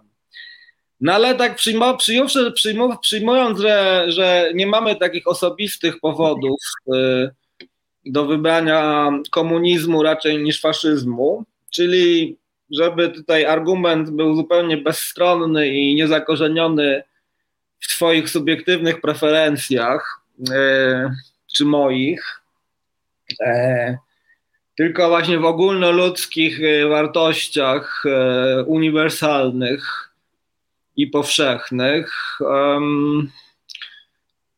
No to wracam teraz do głównego wątku. Wydaje mi się, że właśnie argument z większej przyjemności też jest jakby uniwersalny i to nas znowu jakby od, od, od,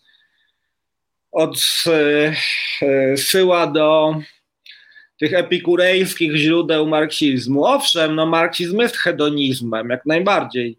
To ma takie hedonistyczne motywacje w sobie głęboko.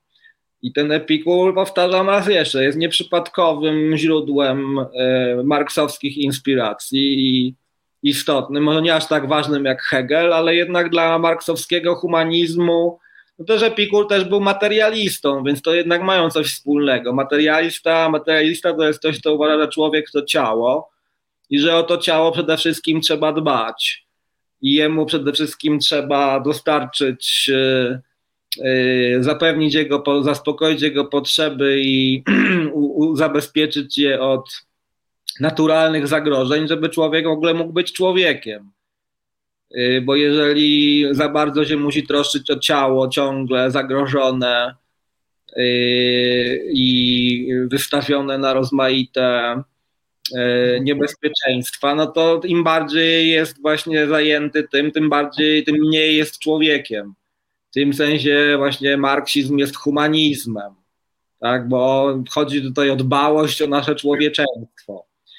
Faszyzm nie, nie, nie, w faszyzmie nie chodzi o to, żebyś się jako jednostka rozwinął.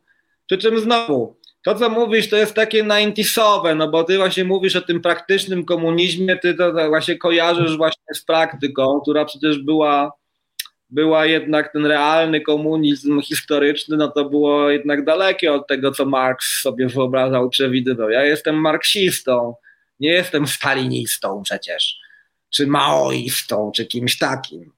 Więc e, nie każ mi się, że tak powiem, tłumaczyć e, ze zbrodni Stalina, i tym podobnych rzeczy. Zresztą nie uważam, żeby stalinizm, właśnie jakby stalinizm to jakby nie miało już w pewnym sensie z Marksem wiele wspólnego, poza jakimiś pozorami tylko utrzymywanymi. A te praktyki polityczne, no, nie ma o nich mowy w manifestie komunistycznym, czy, czy w kapitale, czy o gułagach tam nie ma mowy nic, ani o łagrach i obozach pracy przymusowej, czy nie wiem, czy głodzeniu kułaków. Nic takiego Marks nie mówi.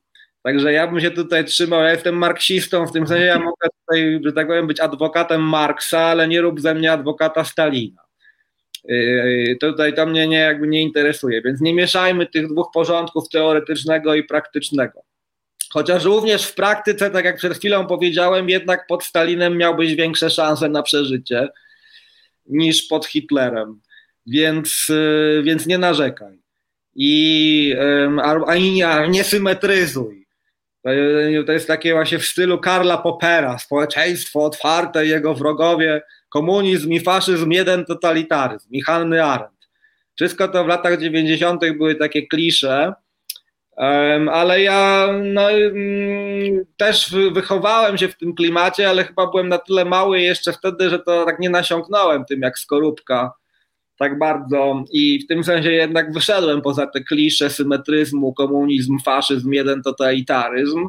Jestem jak najdalszy od, y, zwłaszcza, że tak jak powiedziałem, głównie jednak mam na myśli teorię Marksa, która niewiele nam w ogóle mówi o tym, jak ten komunizm w praktyce ma wyglądać. Tak naprawdę to sobie musisz wydedukować. Też, marksizm to jest praca wyobraźni, w dużej mierze, bo Marx tak dużo o samym komunizmie jako takim nie mówi. On tylko pewne sugestie rzuca, o co tutaj chodzi dokładnie. I można sobie te sugestie dobrze wymodelować, stworzyć sobie pewien model, który ja bardzo często używam, kiedy studentom tłumaczę, co to jest komunizm, tak, tak prostymi słowami. Żeby nie za bardzo komplikować, to żeby Państwu dobrze wytłumaczyć, czym jest komunizm, żeby Państwo dobrze zrozumieli, czym to się różni od kapitalizmu. I Tobie też wytłumaczę w takim razie, Janku. Niczym studentowi. Przepraszam za te, za, te, za te słowa głupiej pychy ale tutaj mi się wydaje, że, że, że, że, dobrze rozumiem pewną kwestię, która umyka właśnie tym symetrystom. I tej symetrystycznej krytyce pod tytułem, że komunizm to taki sam jak faszyzm, totalitaryzm, etc. Więc yy, chodzi o to, więc wyobraź sobie, że jesteś Robinsonem na bezludnej wyspie. No więc jako ten Robinson na bezludnej wyspie, to jest zresztą ilustracja wzięta z kapitału yy, Karola Marksa. Gdzieś tam strona 7, tom pierwszy, strona 72, czy coś w tym stylu. Gdzieś tam w tych okolicach. Więc weź, wyobraź sobie, że jesteś Robinsonem na bezludnej wyspie i oczywiście jako Anglik jesteś człowiekiem zaradnym, przedsiębiorczym i przede wszystkim dobrze zorganizowanym, więc tam sobie prowadzisz jakąś tam swoją, że tak powiem, działalność, e, by tak rzec, gospodarczą na tej wyspie, która polega na tym, że masz pewną ilość swoich własnych potrzeb, które swoją własną pracą musisz zaspokoić. Tak? W tym wypadku nie można tutaj mówić o żadnym wyzysku, nawet jeżeli Robinson skądinąd haruje ciężko, bo na przykład musi dużo, jednak ma, ma, ma duże potrzeby i musi dużo pracować, więc cały czas pracuje na tej wyspie, ma niewiele wolnego czasu, na, który może poświęcić na studiowanie Biblii więc ten Robinson dużo pracuje, mógłbyś powiedzieć, że jego kondycja jest dość nędzna, w tym sensie, że on cały czas haruje i, i pracuje. Ale on pracuje na siebie i w tym sensie on nie jest jakby ofiarą niczego innego, jak tylko naturalnych uwarunkowań. No więc to jest jasne, prawda, że jakby Robinson też, jest też jasne, że Robinson pracuje dokładnie tyle, ile potrzebuje pracować, ponieważ nie ma najmniejszego interesu w tym, żeby pracować więcej niż potrzebuje, prawda? To jest jasne. A więc wyobraźmy sobie, że nie mamy jednego Robinsona, tylko mamy stu Robinsonów. Wszyscy oni są zaradnymi, zaradnymi przedsiębiorczymi ludźmi, roz, rozumnymi, niegłupimi, nie są to debile. No bo gdyby byli wśród nich debile, no to prawdopodobnie ci inteligentniejsi od razu by tych debili zaprzęgli do, do najgorszej roboty i już by się zaczął wyzysk, prawda? Ale przyjmując, że ci wszyscy Robinsonowie są jednak racjonalnymi ludźmi, co być może jest założeniem zbyt daleko idącym. Ale przyjmijmy. W praktyce zbyt daleko idącym. Ale w teorii możemy przyjąć, że wszyscy, wszystkich stu Robinsonów jest racjonalnymi ludźmi. No więc tych 100 Robinsonów ma, że tak, no mówiąc, mówiąc ogólnie, tych 100 Robinsonów ma mniej więcej 100 razy więcej potrzeb do zaspokojenia i mniej więcej 100 razy więcej pracy do wykonania. Tak? Tak z grubsza przyjmijmy, może to byłoby trochę więcej, a może trochę mniej, ale mniej więcej powiedzmy, że 100 Robinsonów ma mniej więcej 100 razy więcej roboty do wykonania niż jeden Robinson na tej wyspie. Tyle tylko, że jest 100 Robinsonów. Więc co działa? Błogosławieństwo Smithsowskiego podziału pracy, dzięki któremu 100 Robinsonów 100 razy więcej potrzeb ma do zaspokojenia, ale ma de facto o wiele mniej godzin pracy do wykonania, ponieważ mogą ją podzielić tak, żeby organizacyjnie móc mieć więcej wolnego czasu. Także 100 Robinsonów w przeciwieństwie do jednego Robinsona, jeżeli dobrze zorganizują swoją racjonalnie pracą, każdy zacznie robić to, co najbardziej, jakby w czym najlepszy jest, tak?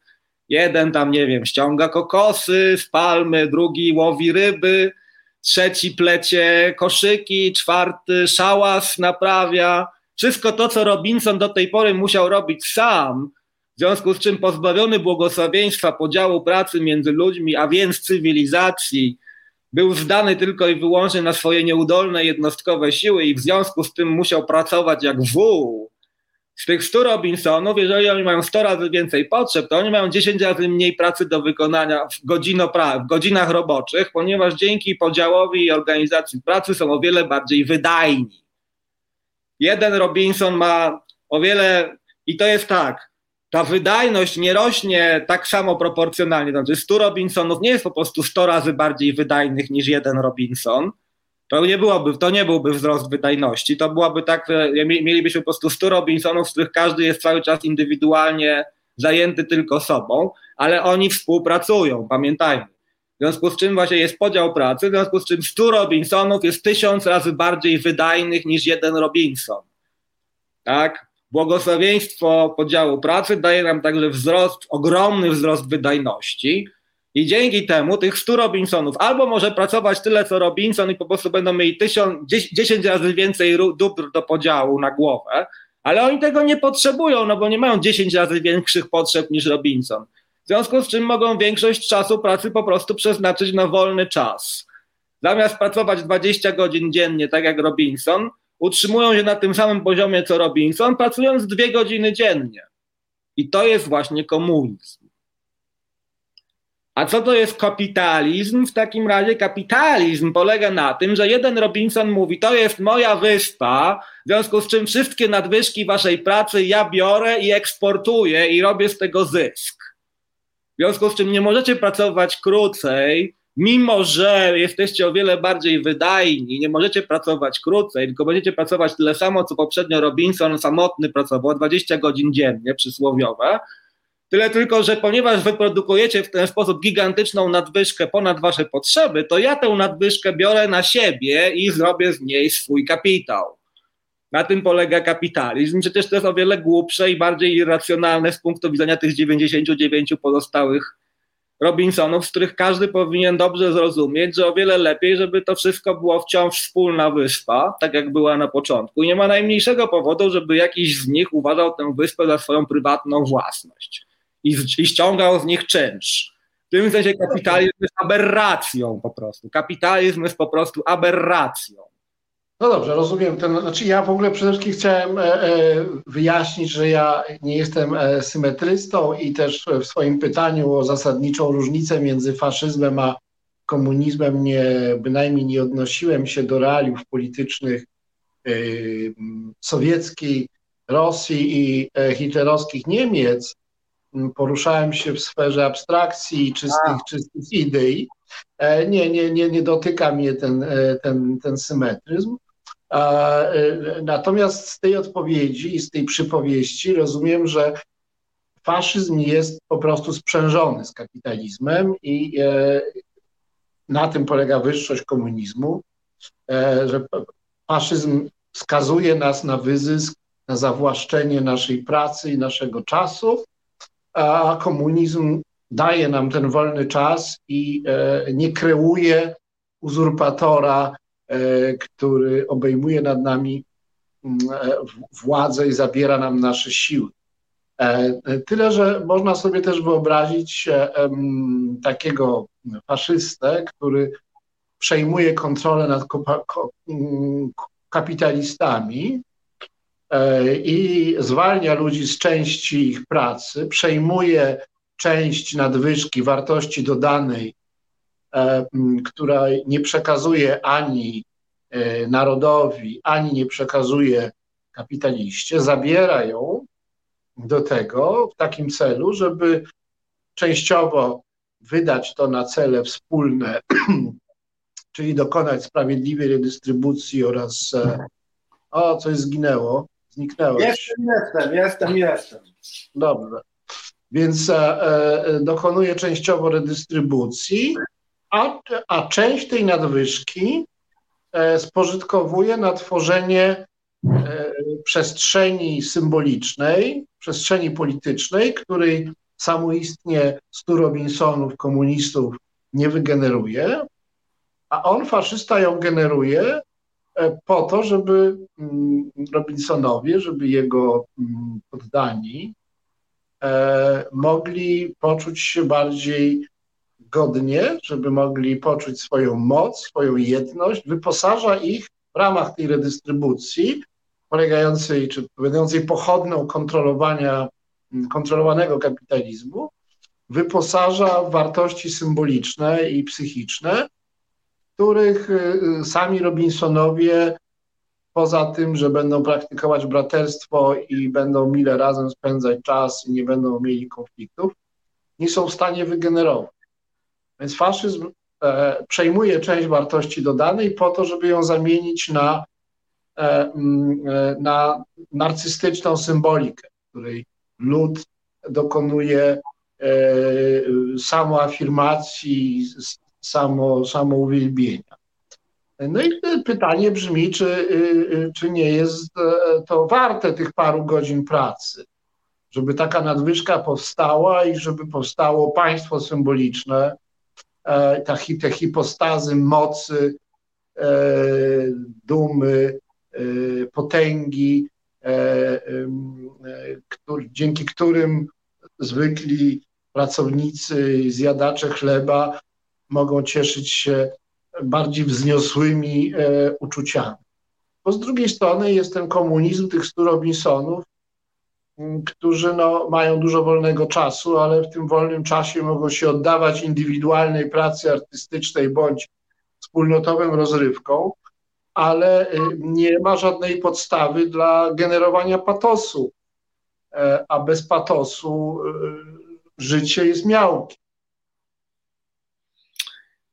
No ba, yy, no w dużej mierze twoja krytyka jest, yy, czy też twoje wątpliwości są oczywiście uzasadnione i yy, trudno je tak po prostu oddalić. Yy, ja bym powiedział, no, to jest tak, że no, tak jak już wcześniej zauważyłem, yy, nie da się e, pominąć faktu, że bardzo wielu ludzi czerpie przyjemność e, z przemocy, z, to jest właśnie ta, to jest ten mikrofaszyzm, ten psychologiczny mechanizm tej faszystowskiej jouissance, która właśnie zamiast dawać nam taką rozkosz pozytywną, daje nam ochłapy w postaci, ale jednak mocne mocne przeżycia z drugiej strony, no bo jednak nie ma to jak e, zaszlachtować kogoś, prawda, zlinczować, posłać do gazu. No są to znane, znane przyjemności, prawda? Więc e, ludzkie. E,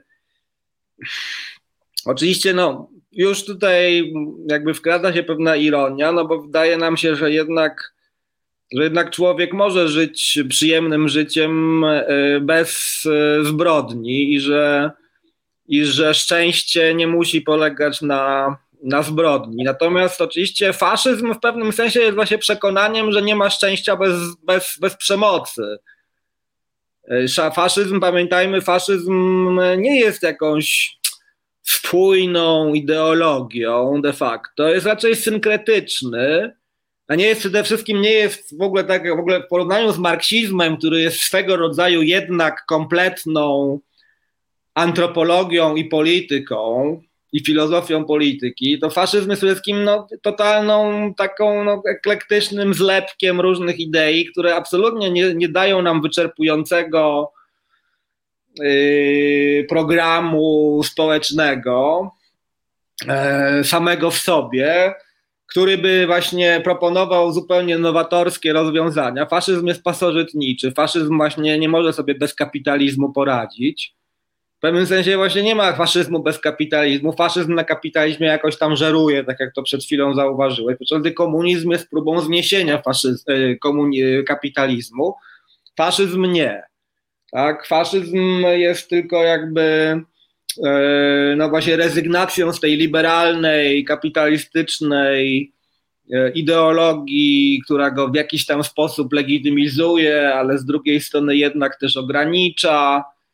E, no bo przecież też czyż marzeniem kapitalisty każdego nie jest to, żeby mieć bezpłatnych pracowników, a tego właśnie faszyzm dostarcza kapitalistom, tak? Y, dostarcza im również niewolników, więc czyli marzenie, czyli brudne marzenie, mokre sny kapitalisty się spełniają. Ma wreszcie, ma wreszcie najtańszą możliwą płacę, siłę roboczą, tak? którym nie płaci, bez związków zawodowych. Po prostu są to więźniowie obozów pracy. Idealny pracownik. No może nie najbardziej wydajny, ale zważywszy na faszystowski ekspansjonizm, masz potencjalne źródło niekończącego się napływu siły roboczej, taniej yy, i całkowicie zdominowanej. Więc w tym sensie faszyzm absolutnie nie podważa logiki kapitalizmu, co najwyżej obnaża do, do, do bez reszty i absolutnie bezwzględnie jego okrucieństwo.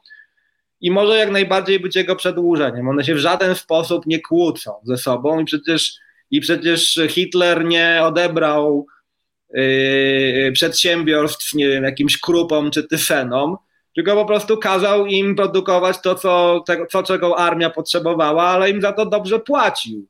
Tak? Tylko Żydom odebrano przedsiębiorstwa, ale to nie, był, to nie była likwidacja kapitalizmu. W tym sensie faszyzm nie jest antykapitalizmem, po pierwsze, tylko jest jakby jego, jedną z jego form, jedną z jego wielu postaci, jak wiadomo, faszy, kapitalizm jest właśnie bardzo, także wielotwarzowy.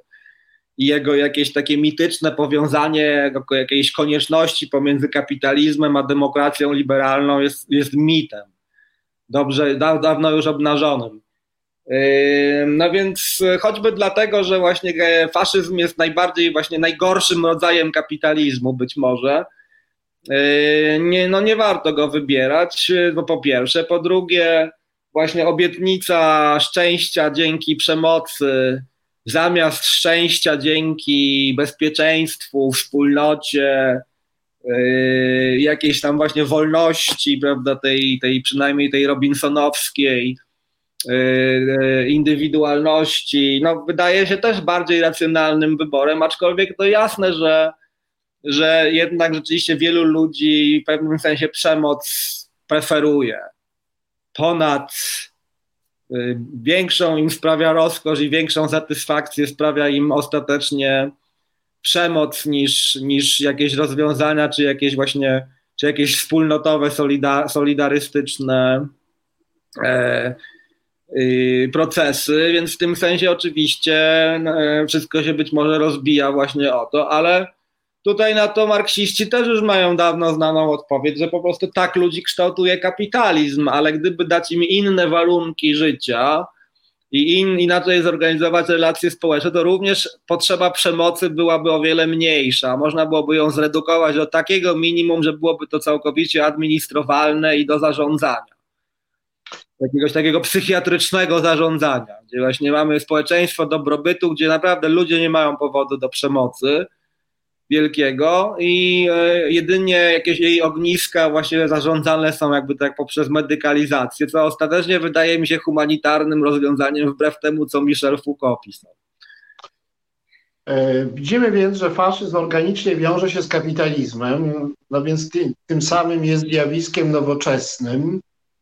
E, Oczywiście. No niemniej jednak widzimy też potencjał faszystowski w prenowoczesnych formach władzy, mam wątpliwości, czy ta, jest uprawnione zakaz rozszerzania tej kategorii faszyzmu na, na stosunki feudalne, które też w końcu są przemocowe e, i też sankcjonują niewolnictwo. I w związku z tym chciałem zadać ostatnie pytanie. Musimy skończyć za dwie siódma, czyli jest już tylko 8 minut. 9 minut. E, e, I to pytanie brzmi, czy e, chrześcijaństwo jest skazane na faszyzm, czy musiało się tak stać, że ostatecznie się skompromitowało histerycznym aliansem z, z faszyzmem we Włoszech, Hiszpanii i wielu innych krajach w porządku realnym. Czy ta wizja raju rechoczącego z rozkoszy, że, że jest rajem, a nie, e, a nie piekłem. Radość zbawienia polegająca na, ob, na świętych obcowaniu i wspólnym radowaniu się, że nie są z tamtymi potępionymi w piekle. E, czy, czy, czy, czy chrześcijaństwo musi być faszystowskie, czy jest możliwe jakieś przeistoczenie chrześcijaństwa komunizm, czy jest jakaś szansa na to, żeby być dobrym chrześcijaninem, to znaczy niefaszystowskim e, chrześcijaninem. To jest e, e, moje ostatnie pytanie i proszę cię, żebyś zakończył, bo już nie będę się odzywał, masz te 8 minut przed sobą, no, manifestem, jakimś adresem do, do swoich słuchaczy i do ludzkości, bo to jest ta niepowtarzalna szansa, żeby przemówić już nie w odpowiedzi na pytanie, tylko własnym głosem dla potomności. Och, nie uprzedziłeś mnie, więc nie przygotowałem żadnego manifestu, w związku z czym odpowiem na pytanie, ale może na swój sposób manifestacyjnie. Ale nie chyba, bo jakby koniec końców skłaniałbym się do takiego twierdzenia, że chrześcijaństwo to jest coś na tyle nieokreślonego, wielotwarzowego, i jakby nie ma czegoś takiego jak chrześcijaństwo. No są różne chrześcijaństwa de facto. I mówimy chrześcijaństwo, nie wiadomo tak naprawdę, co mamy na myśli. Czy mamy na myśli Kościół katolicki, tomizm i jego, nie wiem, jego właśnie średniowieczną doktrynę,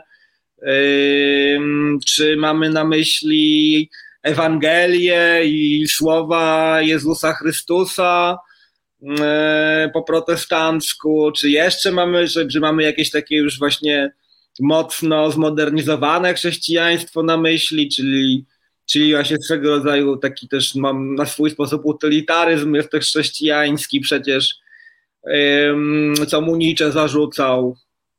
Czy co mamy tutaj na myśli? I, i w tym sensie tak, wydaje mi się, że mm, to, co tutaj ty miałeś na myśli, to głównie jednak jest to eklezjalne, kościelne chrześcijaństwo, katolicyzm, rzymski katolicyzm, prawda? I, i pytanie być może należałoby zawęzić do tego, czy katolicyzm musi prowadzić do faszyzmu. I wydaje mi się, że niekoniecznie musi, ale jednak,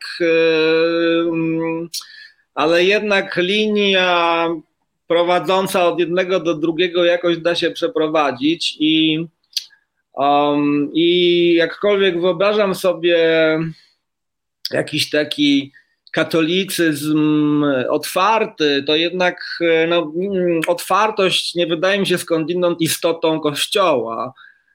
I jego taka właśnie postfeudalna y, struktura oparta na autorytecie, hierarchii i też jakichś takich quasi-mafijnych y,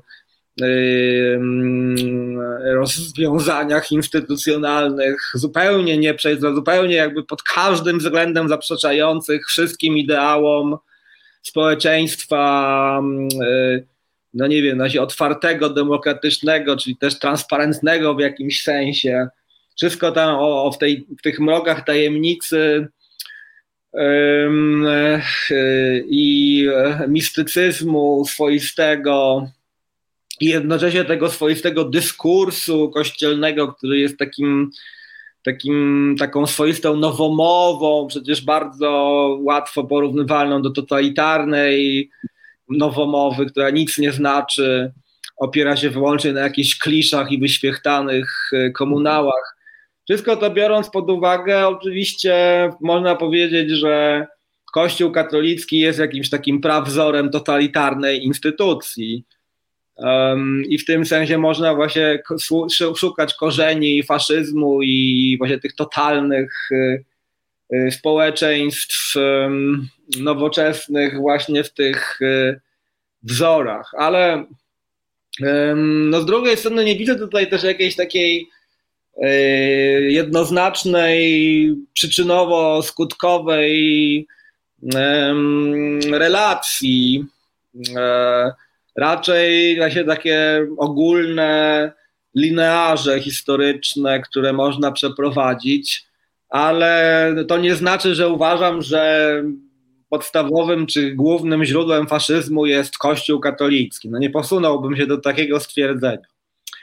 E, jest wiele źródeł, wiele przyczyn, wiele, wiele dopływów, które na tę rzekę jaką był dwudziestowieczny faszyzm się złożyło, wiele tradycji, bo tak jak już wcześniej powiedzieliśmy, to było totalnie eklektyczne i, e, i ideologicznie jakby faszyzm jest właśnie takim, takim, takim patchworkiem, takim, takim zlepkiem różnych, e, różnych przekonań i różnych, e, różnych tradycji, różnych takich fragmentarycznych w gruncie rzeczy idei które tam łączą się w jakąś ogólną, logiczną myśl yy, którą da się chyba właśnie sprowadzić do ideału właśnie dominacji, panowania i, i czerpania właśnie największej rozkoszy z, z przemocy, E, używanej właśnie jako podstawowy instrument polityczny, bo to właśnie jest chyba główne przesłanie faszyzmu jest właśnie takie, że tak naprawdę podstawowym instrumentem polityki jest przemoc.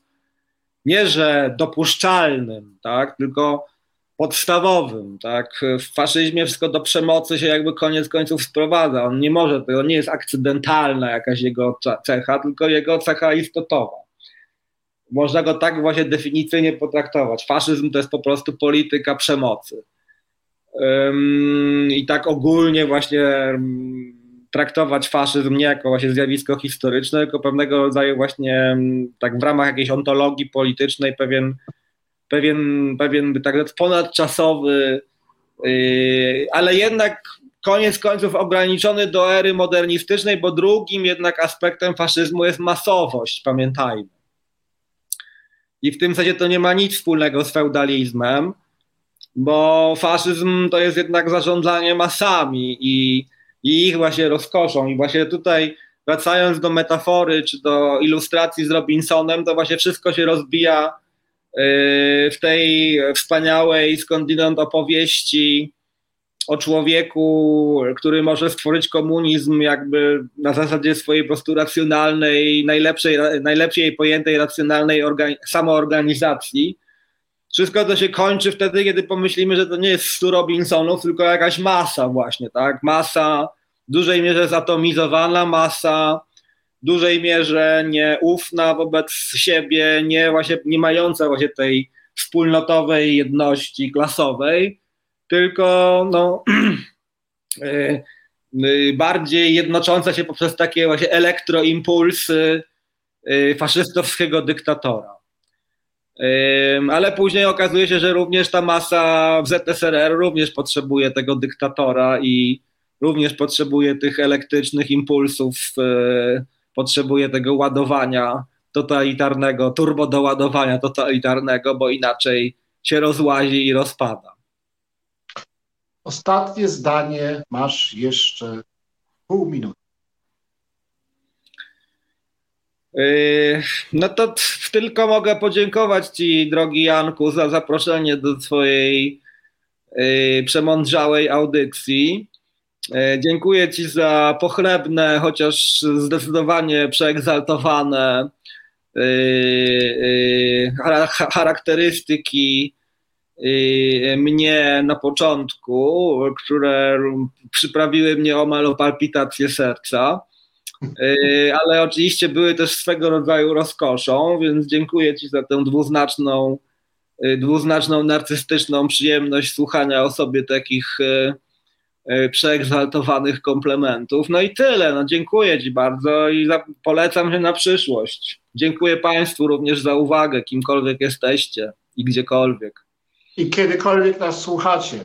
Naszym gościem był e, e, doktor habilitowany Jacek Dobrowolski z Uniwersytetu Warszawskiego. Bardzo dziękuję za dzisiejszą audycję. Dziękuję przede wszystkim Jackowi i dziękuję Państwu. Do usłyszenia i zobaczenia, mam nadzieję, już za tydzień. Reset Obywatelski. Podobał Ci się ten program? Reset to medium obywatelskie, którego jedynymi sponsorami jesteście Wy, odbiorczynie i odbiorcy. Wesprzyj nas na zrzutka.pl i pomóż budować niezależne medium.